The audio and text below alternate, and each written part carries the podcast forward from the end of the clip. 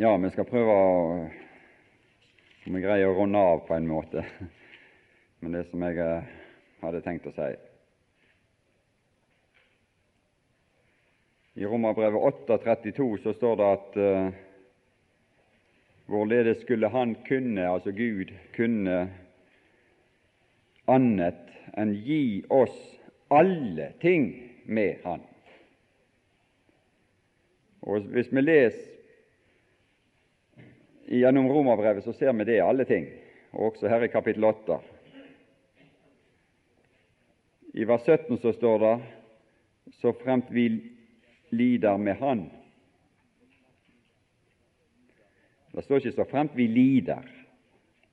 Det er ikke lidelsen i seg sjøl som er noe poeng, men så fremt vi lider med Han, det er noe annet. Det er med Han. For at vi også skal herliggjøres med Han. Alle ting med Han. Og Dette er liksom ytterpunktene, ikke det? Ytterpunktene også med Han. Gud er interessert i å berike våre liv ved å la oss få del i de ulike, alle ulike sider i Kristi liv. Det må jo være derfor han antagelig har funnet ut at vi skal være en stund i denne verden. Og at han, eh, hans vilje er at vi skal bli frelst. Og for, i hvert fall for de fleste av oss at vi skal være en stund i denne verden. Så vi kan som frelste mennesker lære å dele litt av det som også Jesus måtte oppleve når han var i denne verden, av motgang og motsigelse. Og Det som han måtte lære, står det. Det står et underlig uttrykk i Hebreabrevet. Det står at skjønt han var sønn, så måtte han lære.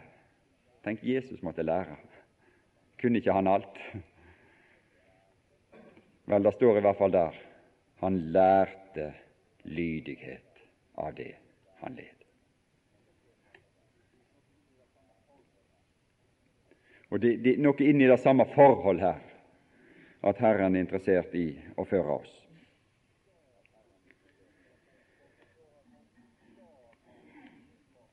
Det står at Han gav Han for oss alle. Han gav Han for oss alle. Og ut ifra det at Han gav Han for oss alle, Han gav Han i døden for oss, så er det vi kan tilbakevise i vers 33 all anklage mot Guds utvalgte. I kraft av det, denne gave kan vi an, a, tilbakevise anklagen.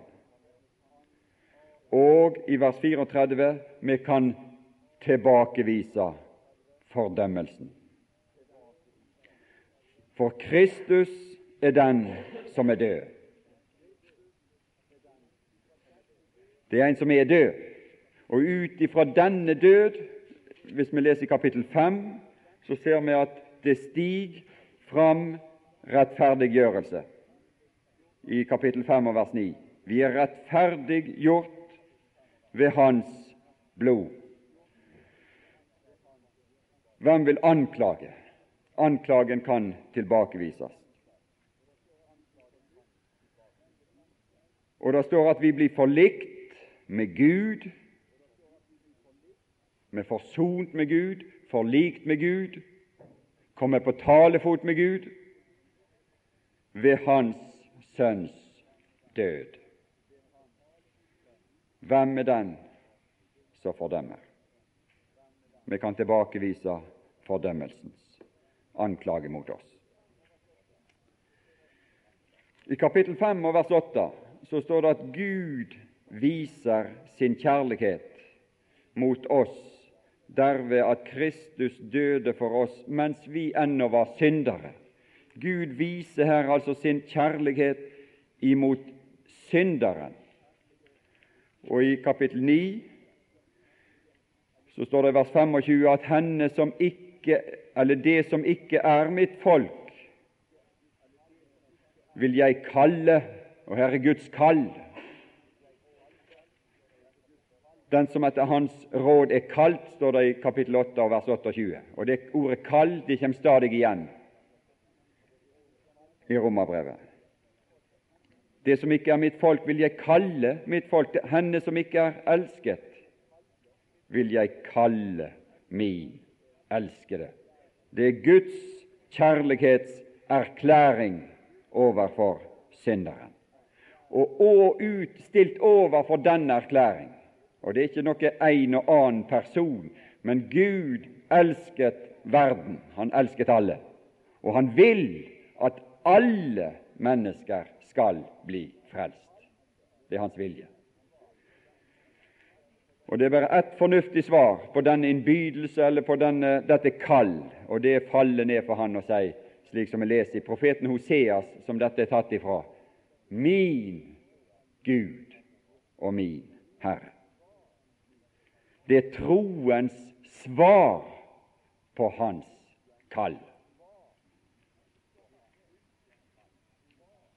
Men hvis du har sagt det, min Herre og min Gud Hvis du har sagt det, slutt han å elske deg da?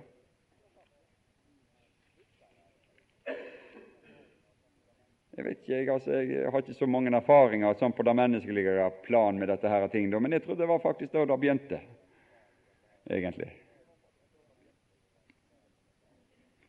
At det var da det begynte, når det kom et ja.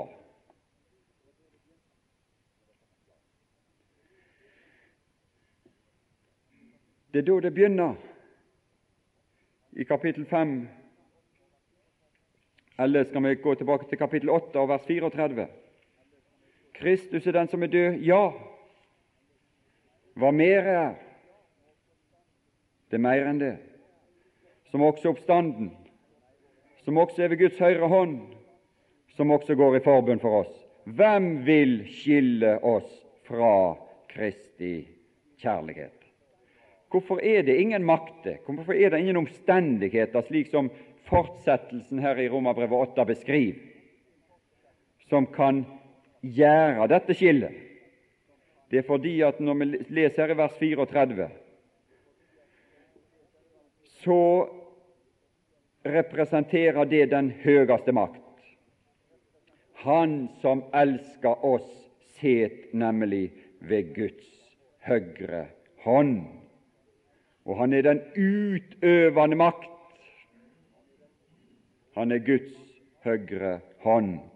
Og ved Han så er vi i Guds kjærlighet i Kristus Jesus, vår Herre, i vers 39.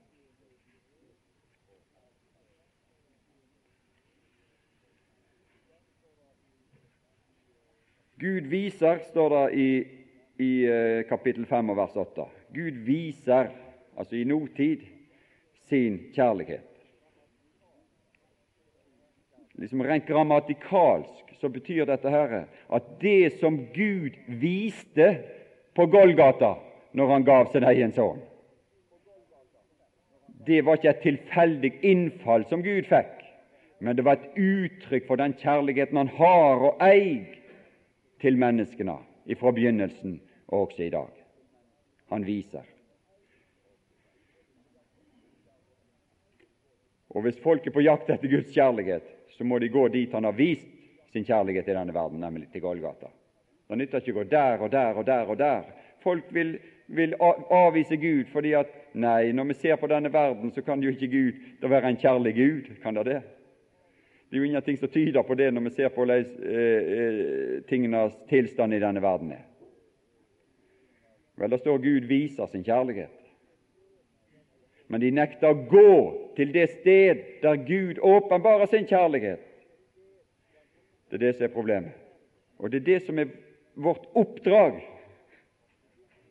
Det er å få folk til å komme og vende blikket sitt mot dette sted der Han har vist og viser sin kjærlighet. For det han viste på Golgata, uttrykket slik han er i dag mot oss. Og Derfor så er det slik at det står i fortsettelsen her i kapittel 5 og i vers 9 så meget mere skal vi da, etter at vi nå er blitt rettferdiggjort ved Hans blod, ved Han bli frelst fra vreden. For så sant vi blir forlikt med Gud ved Hans Sønns død da vi var fiender,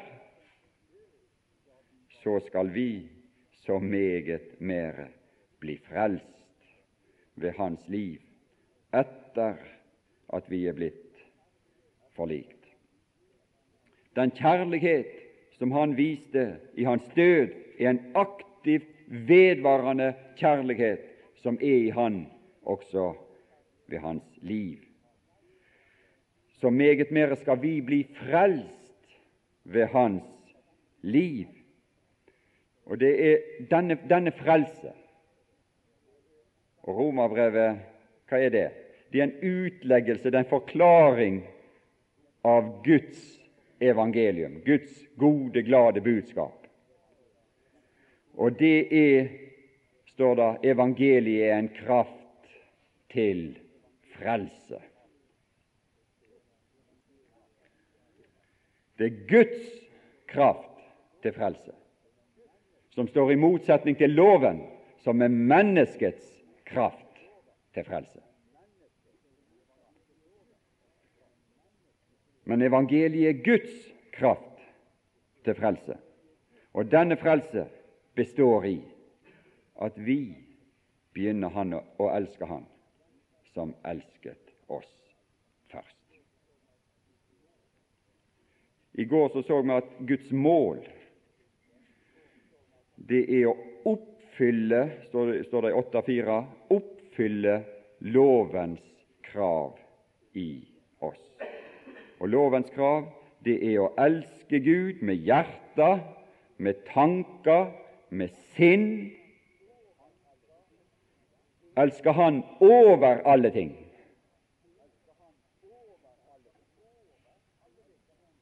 Han skal elskes over alle ting. Og Så kommer det en annen sak, nemlig at vi skal elske nesten. Og Da står det 'som oss sjøl'.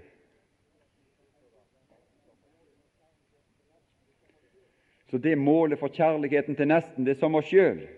Men når, når, det gjelder kjærligheten til Gud, så er det over alle ting.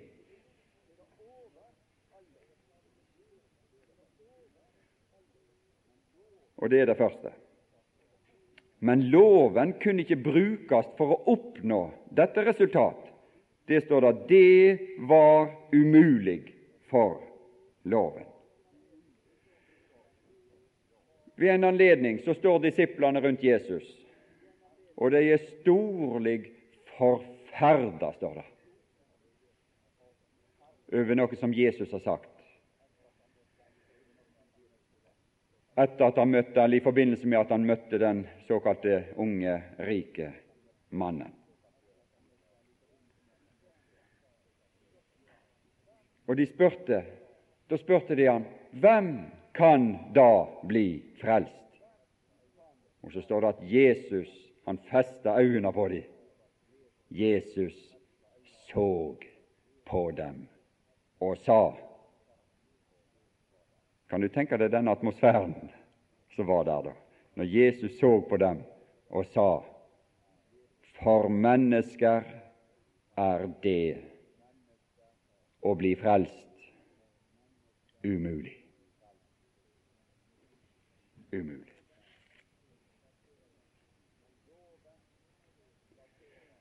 For loven plasserer mennesket i sentrum, på scenen, på arenaen, om du vil.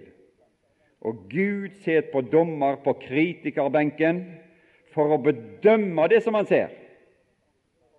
Og hans dom, står det i kapittel 5 og vers 16, hans dom er fordømmelse. Han fordømte det liv han så utfolde seg i vårt kjøtt.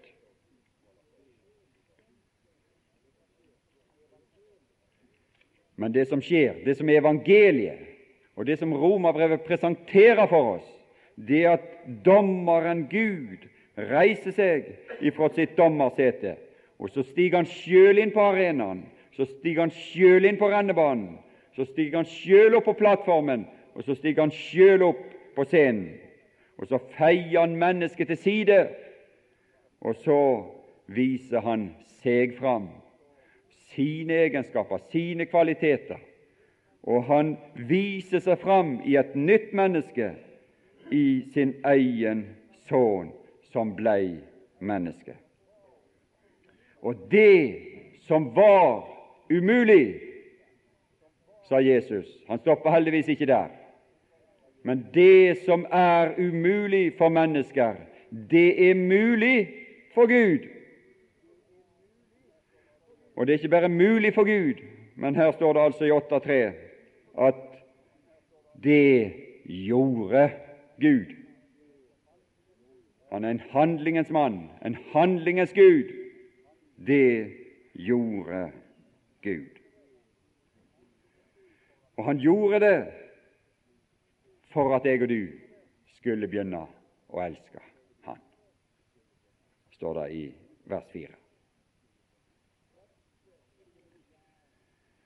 Dette blir mitt, ikke ved å gjøre, ikke ved gjerning, men ved tru. I kapittel 9 og i vers 30 så står det Hva skal vi da si? At hedninger som ikke søkte rettferdighet, de vant rettferdighet. Men det var rettferdigheten av tro. Israel derimot, som søkte rettferdighetens lov, de vant ikke fram til denne lov. Hvorfor det? fordi de ikke søkte den ved tro, men ved gjerninger. Det står at de vant ikke fram til denne lov. Hva slags lov er det? Det er den lov som er full av kjærlighet. Du skal elske Gud, og du skal elske nesten. Det er en vidunderlig lov. Det, det, det, det, er liksom som at eh, Tenk deg et rike, tenk deg et samfunn der denne lov kommer til utførelse i praksis. Ja, de snakker om idealsamfunn, men her er idealsamfunnet. Her er idealnasjonen. Her er idealriket. Her er idealfolket der rettferdighetens lov råder. Men de vant ikke fram til denne lov fordi de søkte den ved gjerning. Men vi som ikke søkte den Gud har i sin nåde forkynt evangeliet for at vi ved tro skulle nå fram til denne vidunderlige lov, full av kjærlighet.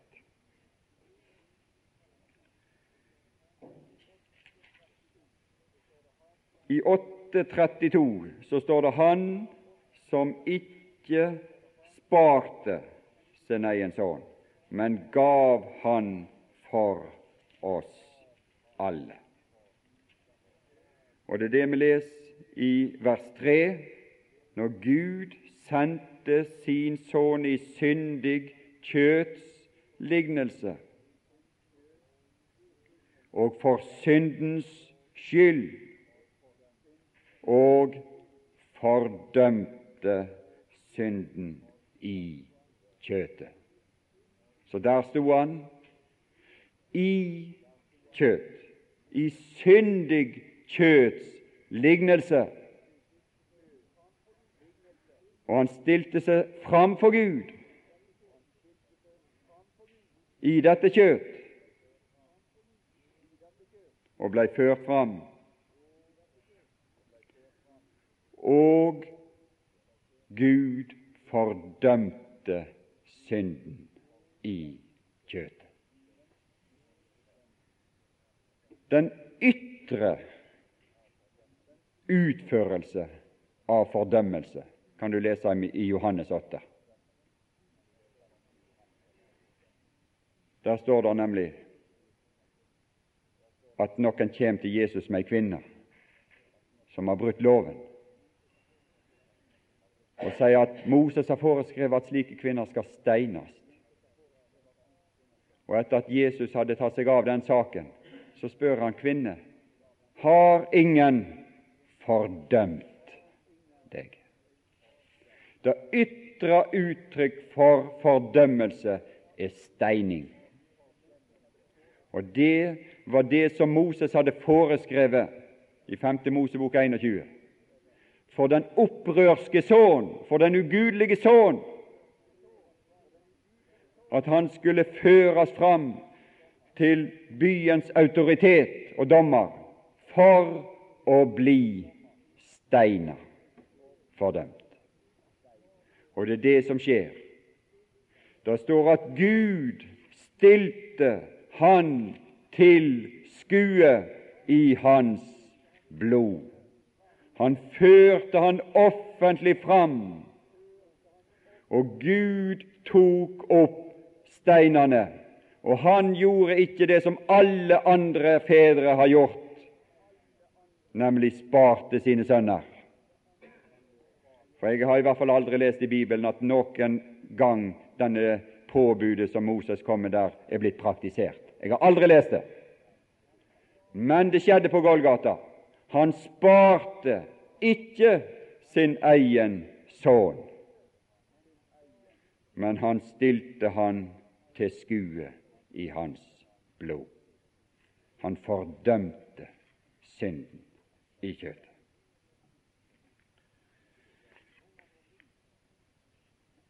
Romerbrevet 7 omtaler et omvendt menneske som ønsker å tjene Gud.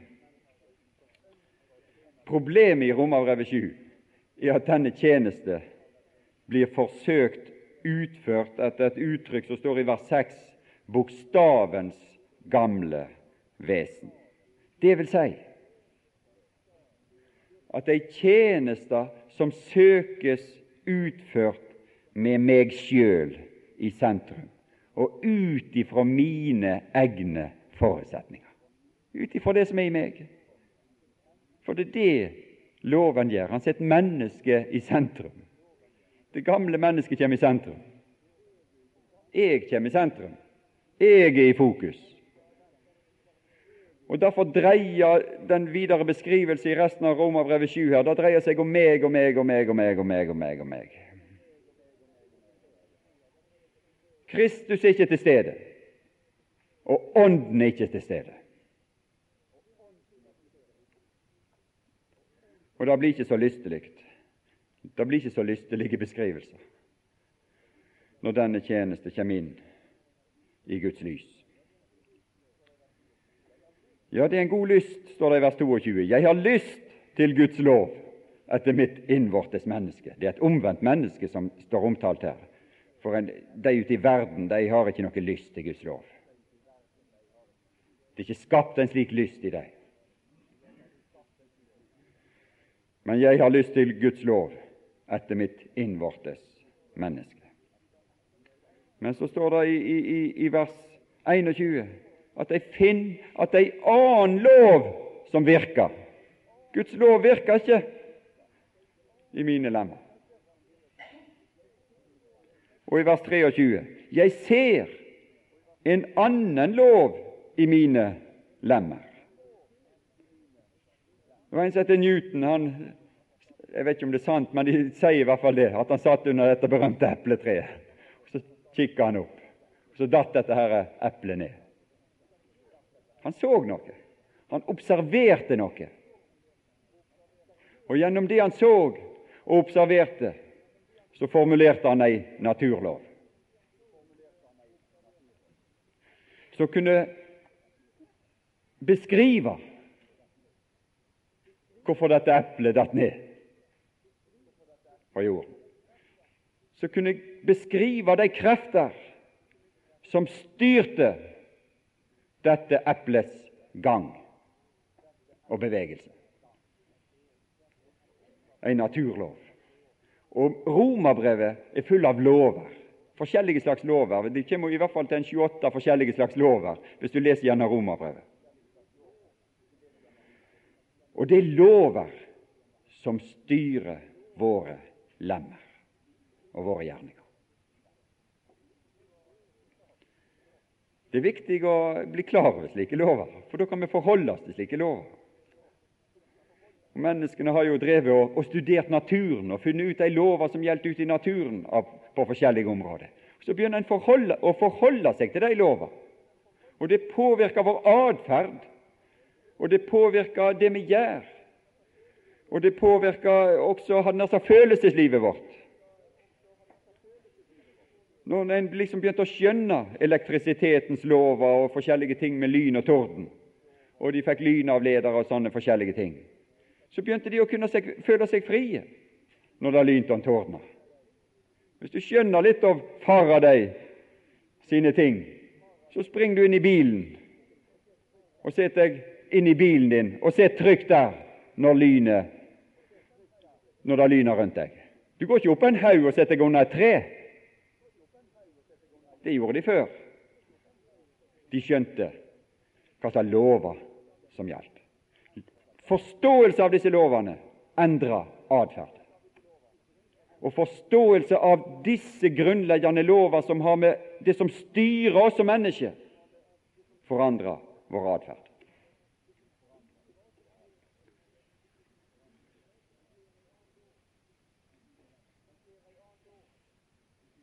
Han ser ei annen lov i sine lemmer, og den er kalt for syndens lov. Og så kjem kommer det en, denne observasjon, disse ting. Det ender ut i dette her voldsomme rop, dette klageskrik, denne nød, dette rop til Gud. Jeg, elendige menneske, hvem skal fri meg fra dette dødens legeme. Tanken er at bare hvis jeg kunne bare komme ut av dette legemet som jeg ser disse lover gjelder i, så skulle jeg bli fri. Tanken er at ja, det gjaldt å bli kvitt legemet.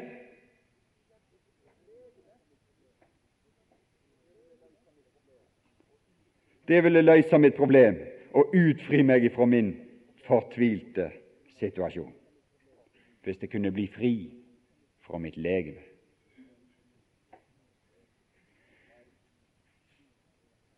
Vel, det skjer en voldsom snunad i vers 25. Når øynene tas vekk, når Ånden kjem oss til hjelp. Og hva er det Ånden gjør? Den plasserer Kristus i sentrum. Det er det Ånden gjør. Den tar meg vekk, og så plasserer han Kristus i sentrum. Og så kommer takk, takkebønnen, takkesangen. Gud være takk ved Jesus Kristus, vår Herre. Alt snurt seg.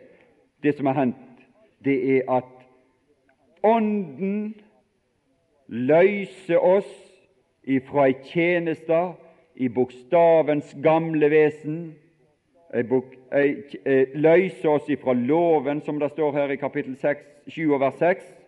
Vi blir løyst ifra loven i det vi ser at vi er døde med Kristus, og vi tjener. Vi starter en ny tjeneste, ei tjeneste i Åndens nye vesen.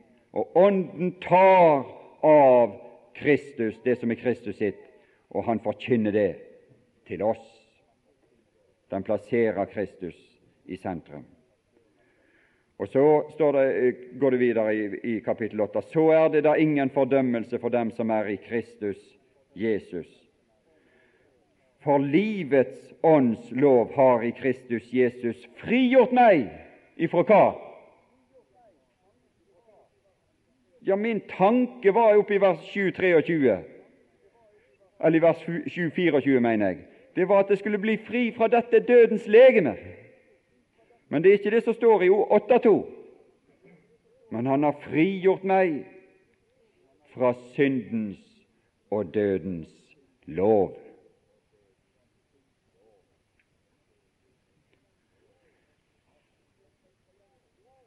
Han har frigjort meg fra den lov som rådde i dødens legeme. Og han innfører en ny lov, nemlig livets ånds lov. Hva slags lov er det? Det er den lov som rådde i Jesu Kristi legeme, og som vi kan se konkret i funksjon når vi leser om den Herre Jesus. Det er livets ånds lov. Og det er Det står igjen i, i 832 at hvorledes skulle Gud kunne annet enn å gi oss alle ting med Han?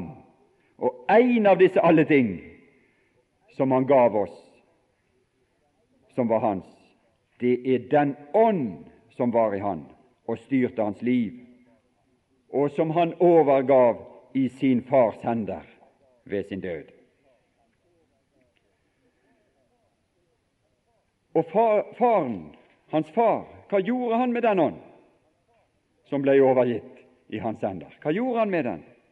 I Galaterbrevet 4,6 så står det at han lot den ånd ta bolig i våre hjerter. Og det er ifra hjertet det utgår det som styrer våre handlinger igjennom våre lemmer. Vi har jo dette berømte i, i Matteus 15, eh, som jeg bare kan referere kort til. Matteus 15, der Jesus taler om deres hjerter og sier at deres hjerte er langt borte fra meg. Og de trodde at det var det som gikk inn i munnen, som gjorde de ureine. Men Jesus måtte lære de en annen lekse. Og I vers 15 står det da svarte Peter og sa til han, tyd denne lignelse for oss. Men han sa, er også dere ennå uforstandige? Det er tregt. Det er ikke noe enkel sak å lære disse tingene. her.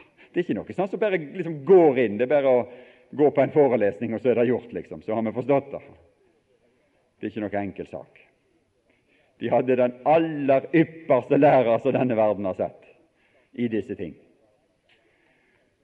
Og han sa til dem, er det ennå uforstandige?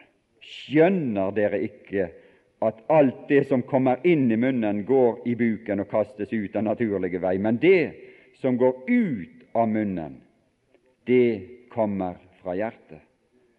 Og dette er det som gjør mennesket urent. Fra hjertet kommer onde tanker.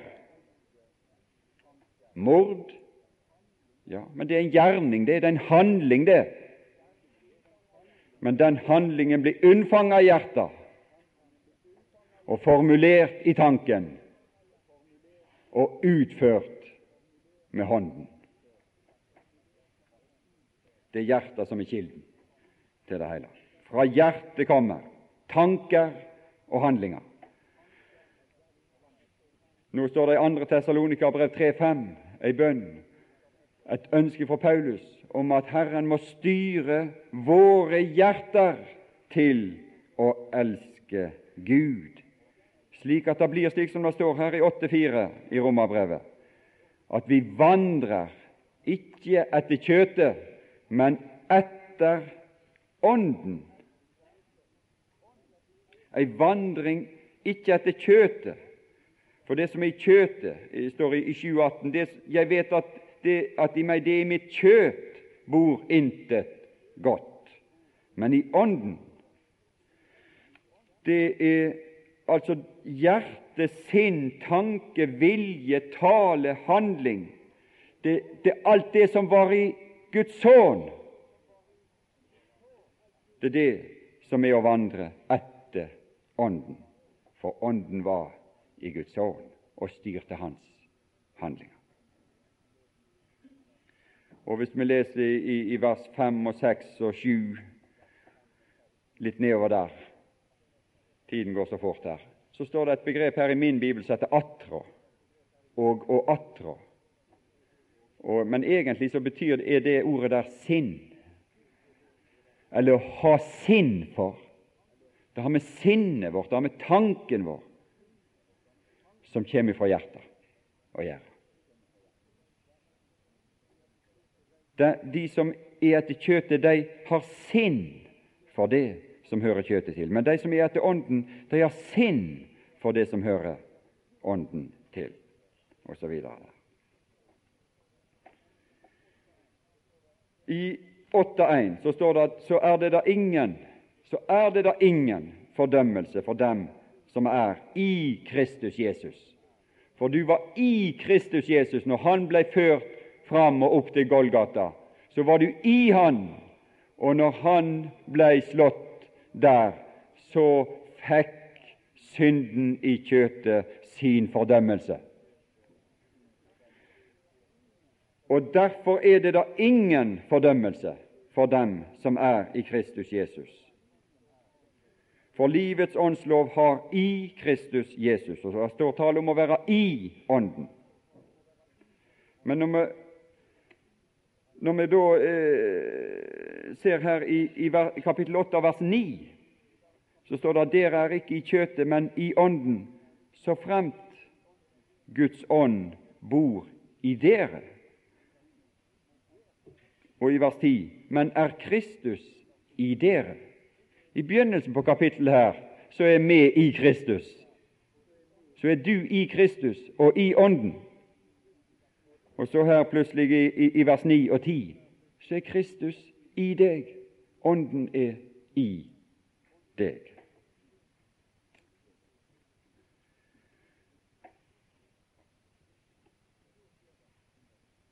Og da skjer det underlige ting.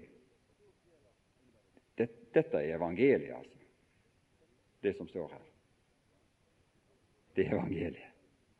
Det ville være et litt for tynt evangelium hvis det var bare slik at evangeliet var i stand til å, å, å frelse en synder, og så var det liksom ikke noe mer. Men Gud er interessert i et liv. Den rettferdige ved tro skal han skal synderen bli frelst. Ja, men den rettferdige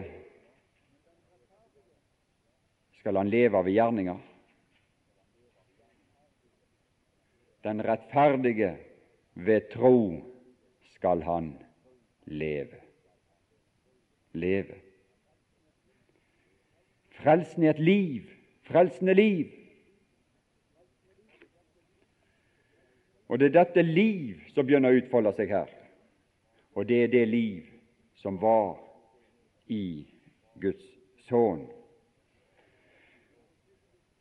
i vers 10. Men er Kristus i dere, da er vel legemet dødt. Her er det samme legeme igjen, dødt på grunn av synd. Men Ånden er liv på grunn av rettferdighet. Men dersom Hans ånd, som oppvakte Jesus fra de døde Jesus døde, og han overgav sin ånd til sin far. Men Ånden oppvakte Jesus fra de døde, Kristus fra de døde. Den samme ånd har Faderen latt bo i oss, for at den også skal levendegjøre deres dødelige legemer. Ved den ånd som Han har latt bo i oss. Ja, det skal jo få sin oppfyllelse står, står det i, i 1. Korinterbrev 15 ved Jesu komme. Så skal dette få sin oppfyllelse. Men det ligger noe mer i det enn det i det som står her i Romerbrevet. For det står her i vers 13.: Dersom dere lever etter kjøtet, skal dere dø. Men dersom dere døder legemets gjerninger ved Ånden, da skal dere leve. Det skal begynne å utfolde seg et liv i oss her, i denne kroppen som vi har her. For Gud har latt si ånd bo i oss, så vi kan begynne å lære å kjenne Gud og kjenne Hans vilje. Og så kan det bli liv igjennom også vår kropp. For så mange i vers 14 som drives. Det er kommet inn et nytt drivverk som fungerer på en annen måte enn syndens lov, og som er i stand til å ta kontroll og påvirke våre lemmer slik at de begynner å bevege seg i henhold til livets ånds lov. En annen drivmekanisme.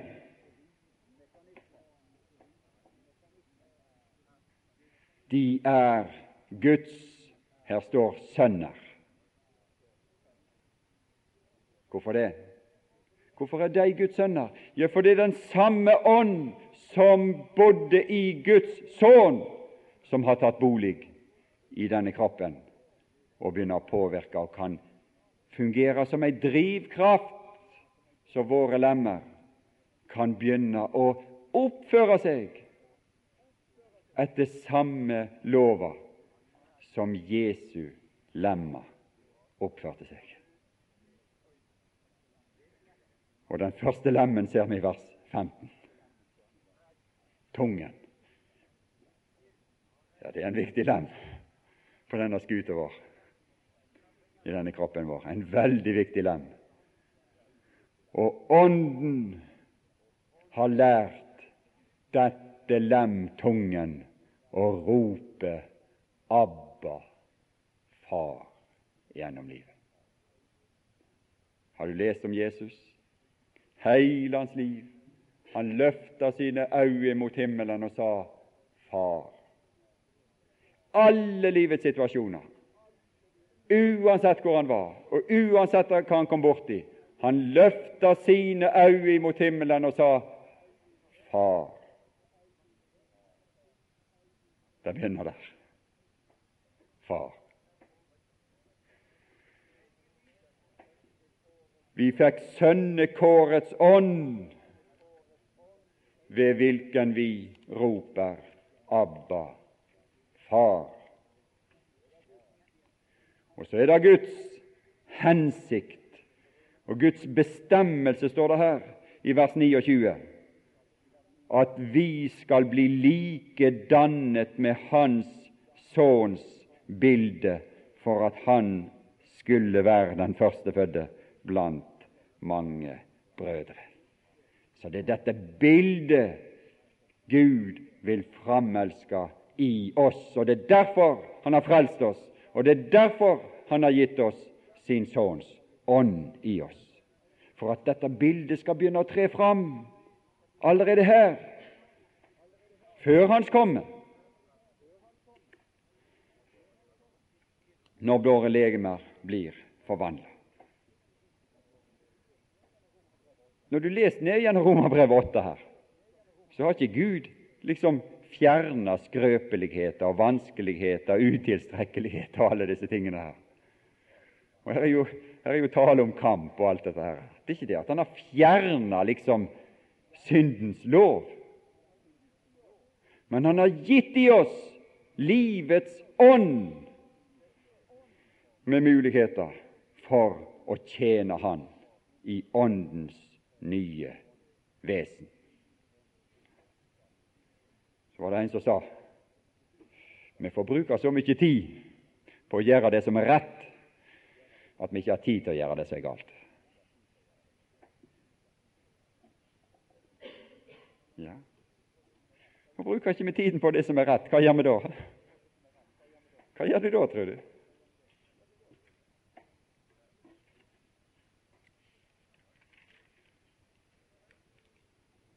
skal jeg prøve å avslutte her. Det, nå er det en mengde ting som skulle vært sagt i, i, fra kapittel 12 og utover, som går på de hvordan denne kjærlighet, dette liv, kommer til praktisk, konkret uttrykk gjennom våre lemmer. Og Her er mange ting. Her er mange ting vi trenger å tenke på. Veldig mange ting. I, i forhold mellom oss. Det, den erkjennelse av at vi har blitt sønner. Det er første gangen det står i Romerbrevet i 8.14. Og i 8.13 så er det som Gud ser bort totalt ifra kjøtet. Det liksom er ute av bildet i framstillingen i 8.13. Det kommer jo litt fram. Det står, det står bl.a. her i kapittel 13 at vi ikke skal bære således omsorg for kjøtet at det vekkes begjærligheter. Og Det bør vi tenke på. Det er ikke nødvendig for eksempel, å følge siste klesmoten i alt. Det er ikke nødvendig. Hvis den er med å vekker begjærligheter, så uh, i hvert fall de som er gift, bør uh, spørre sine ektemaker om, om er disse klærne bra. Eller er de ikke det? For det syndes mye på det området, også iblant oss som troende. Jeg veit det som er mann.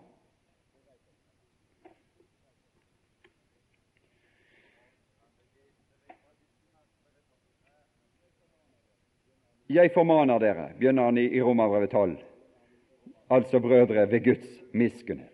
Hvis det var slik at liksom dette gamle var på en måte operert ut og ikke fantes i dette legemet lenger her i verden, så var det ikke nødvendig å skrive alt dette. For da hadde alt det som står her, det hadde skjedd automatisk. Sant? Men det er en kamp, det er en krig. Jeg formaner dere altså for at, at dette skal, Gud skal liksom vinne skikkelse i oss, som det står, for at det er noe som skal vokse fram av guddommelig karakter i oss.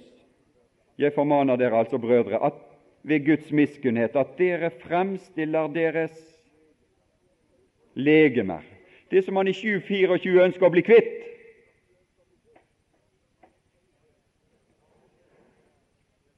Men her at dere fremstiller deres legemer som levende. Som levende, tenk det. Ja, men det var dødens legeme, står det. Legeme er forbundet med død i romerbrevet. Men her er det plutselig skjedd det at i dette legemet kan Gud gjøre det under mirakel, om du vil, med meg og deg i dag. At vi kan framstille våre legemer fordi at Han har plassert sin Sønns ånd i våre hjerter, så kan vi fremstille våre legemer som et levende, hellig, Gud velbehagelig offer. Og det, ja, fremstill, det, det er i alle livets forhold. Det er også i forsamlingens sammenheng. Det er også kanskje i sammenhenger som dette. Ja, det er noen Vi kan si det at ja, jeg kan kjøpe kassettene hvis de vil ha, hvis de tror de får noe ut av dette her, som blir sagt her framme. Vi kan kjøpe kassettene. Ja, ja.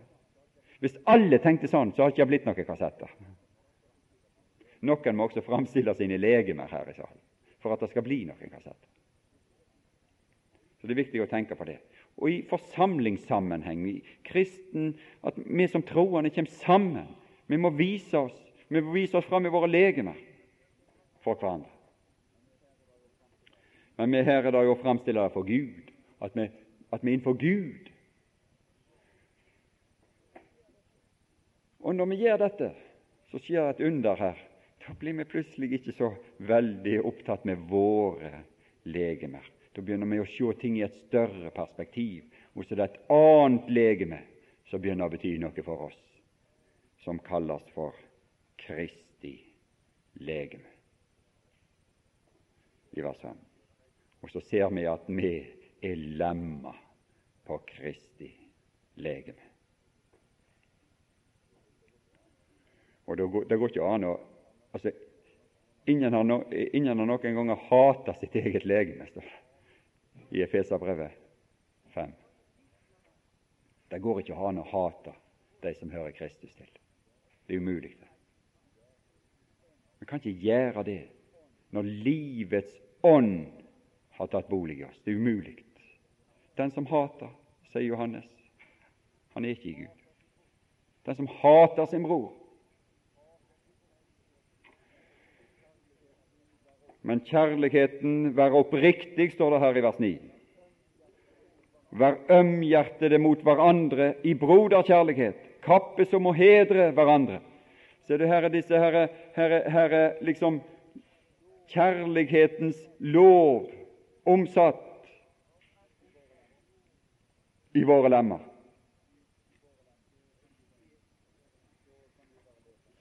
Så kan du jo bare lese nedover her. Her er mange, her er oppdrag for oss alle.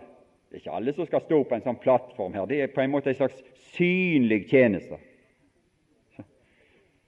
Men Herren vet om de usynlige tjenester. Herren vet om den som går og besøker en sjuk for å oppmuntre ham. Ei enke og faderløse.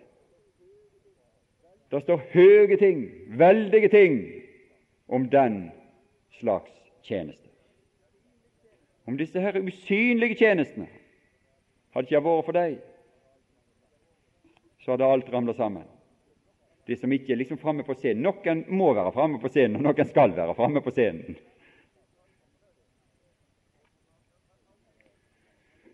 Men her er en mengde tjenester. Det er ingen som behøver være arbeidsledig. Ingen lemmer som behøver være arbeidsledige og funksjonsudyktige i dette Kristi legeme.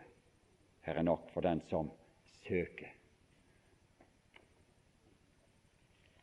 Og ingen av oss kan gjøre alt. Altså, alt. Vi kan nesten ingenting. Vi er så begrenset i kapasitet, og derfor trenger vi hverandre. Vi trenger hverandre og vi trenger et fellesskap, og vi trenger å stå sammen for å gjøre Kristi legemes gjerninger på denne jord. Det er det menigheten, forsamlingen, er tenkt til. Det å utøve i fellesskap Kristi legemes gjerninger på denne jord.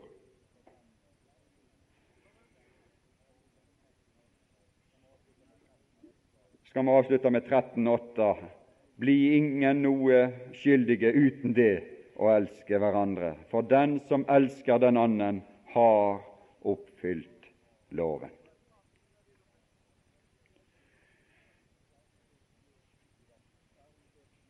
I vers 10.: Kjærligheten gjør ikke nesten noe ondt. Derfor er kjærligheten lovens oppfyllelse. Dette kan ikke oppnås i oss ved loven, men Gud gjorde det i det Han sendte sin sønn for å oppfylle lovens krav i oss.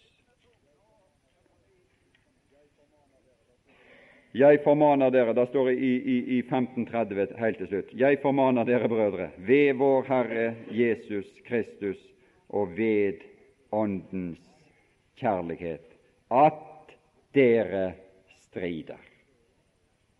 Den gode strid. Det dårlige strider, sier første Timoteus og andre Timoteus. Det dårlige strider, men det er noe som kalles den gode strid. Jeg formaner dere at dere strider. Det kjemper. Dette her er som John Lennox er inne på i sine utleggelser her. For det må strid til. Sammen med meg i deres bønner for meg til Gud. Så får jeg bare da si, si takk for meg, og at uh, det var noen som ville også høre på meg. Det var noen som spurte i går om jeg talte godt, eller noe sånt. Vel, sa jeg, det vet jeg ikke, men det er i hvert fall bra innhold i det jeg sier. Det er det. Herre Jesus, vi takker fordi at du kom til jord og blei innholdet for oss. Herre, vi ber om at eh, det må lykkes i oss at, at du blir vårt innhold, vårt livs innhold. Vårt, det er du som oppholdt livet vårt. Det er du det dreier seg om i vårt liv. Vi ber om la det lykkes i denne tid, der egoet sitter på tronen i nesten alt som vi opplever, og der alt som omgir oss, appellerer til våre kjøds lyster. Herre, vi ber om at det måtte lykkes, at du kunne ta oss til side. Du kunne påvirke oss slik at vi ikke skikker oss lik med denne verden, men blei forvandla i våre sinn, i vårt hjerte, vårt sinn, vår tanke, slik at det hele kunne omsettes i våre lemmer. Herre, vi ber for, de, for dine på hver plass, de plasser som er representert her, at det måtte bli et vitnesbyrd gjennom dine, individuelt og i fellesskap, for denne kalde verden som er forferd mot denne som, som, som går sin ville ferd mot den grusomme endelikt og ulykke. Herre, vi ber og du velsigne oss og ta deg av oss og hjelpe oss på alle måter. Så vi takker og priser og lover deg fordi at ditt løfte om at du kommer snart igjen. I håpet er vi frelst. Herre, takk at du kommer.